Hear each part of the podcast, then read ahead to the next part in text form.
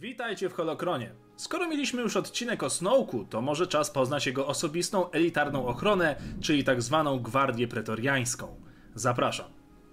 Odziani w karmazynowe pancerze od razu przywodzą na myśl swoich duchowych poprzedników, którzy jako Gwardia Imperialna chronili samego Imperatora. Jednak od tamtego czasu Gwardia sporo się zmieniła i wyspecjalizowała. Na pretoriańską gwardię składało się 8 osób rasy ludzkiej. Ich jedynym i najważniejszym zadaniem była ochrona przywódcy najwyższego porządku. Najczęściej przebywali zaraz koło swojego pana w sali tronowej na pokładzie gwiezdnego pancernika klasy Mega zwanego Supremacy.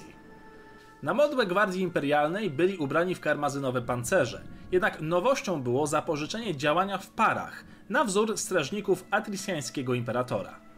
Znamy póki co trzy imiona, a raczej pseudonimy strażników pierwszy, trzeci i siódmy. Jak się nie trudno domyśleć, najpewniej reszta strażników również posiada swój numer zamiast konkretnego imienia. Jednak każdy z nich posługiwał się innym zestawem broni.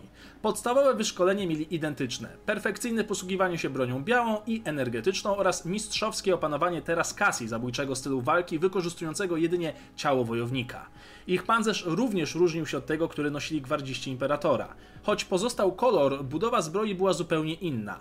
Wykonana z plasteoidu w formie nachodzących na siebie płytek, podobnie jak w prawdziwych japońskich pancerzach, była dodatkowo pokryta specjalnym laminatem, który przewodził energię. Poddany zasilaniu pancerz tworzył wokół noszącego lokalne pole magnetyczne, które umożliwiało odbijanie strzałów blasterowych oraz pozwalało, by miecz świetlny ześlizgiwał się po pancerzu w przypadku bliskiego kontaktu. Oczywiście w bezpośrednim starciu z klingą miecza pancerz nie miał szans, ale wciąż była to niezwykle przydatna cecha pancerza. Minusem był fakt, że działanie lokalnego pola magnetycznego powodowało ogromny ból fizyczny u unoszącego, ale dla prawdziwych fanatyków oddanych Snowkowi, jak widać, nie było to zbyt dużym problemem.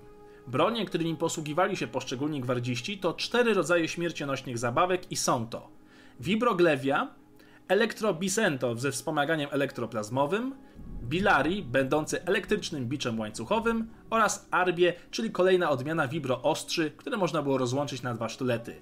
Jak wspominałem, ośmiu strażników to tak naprawdę cztery pary wojowników działających razem z tym samym uzbrojeniem.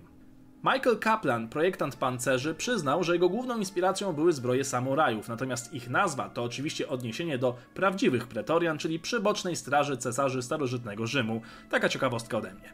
To wszystko na temat naszych karmazynowych bohaterów. Mam nadzieję, że doczekają się równie rozbudowanej historii, jak to miało miejsce w komiksach z legend pod tytułem Karmazynowe Imperium.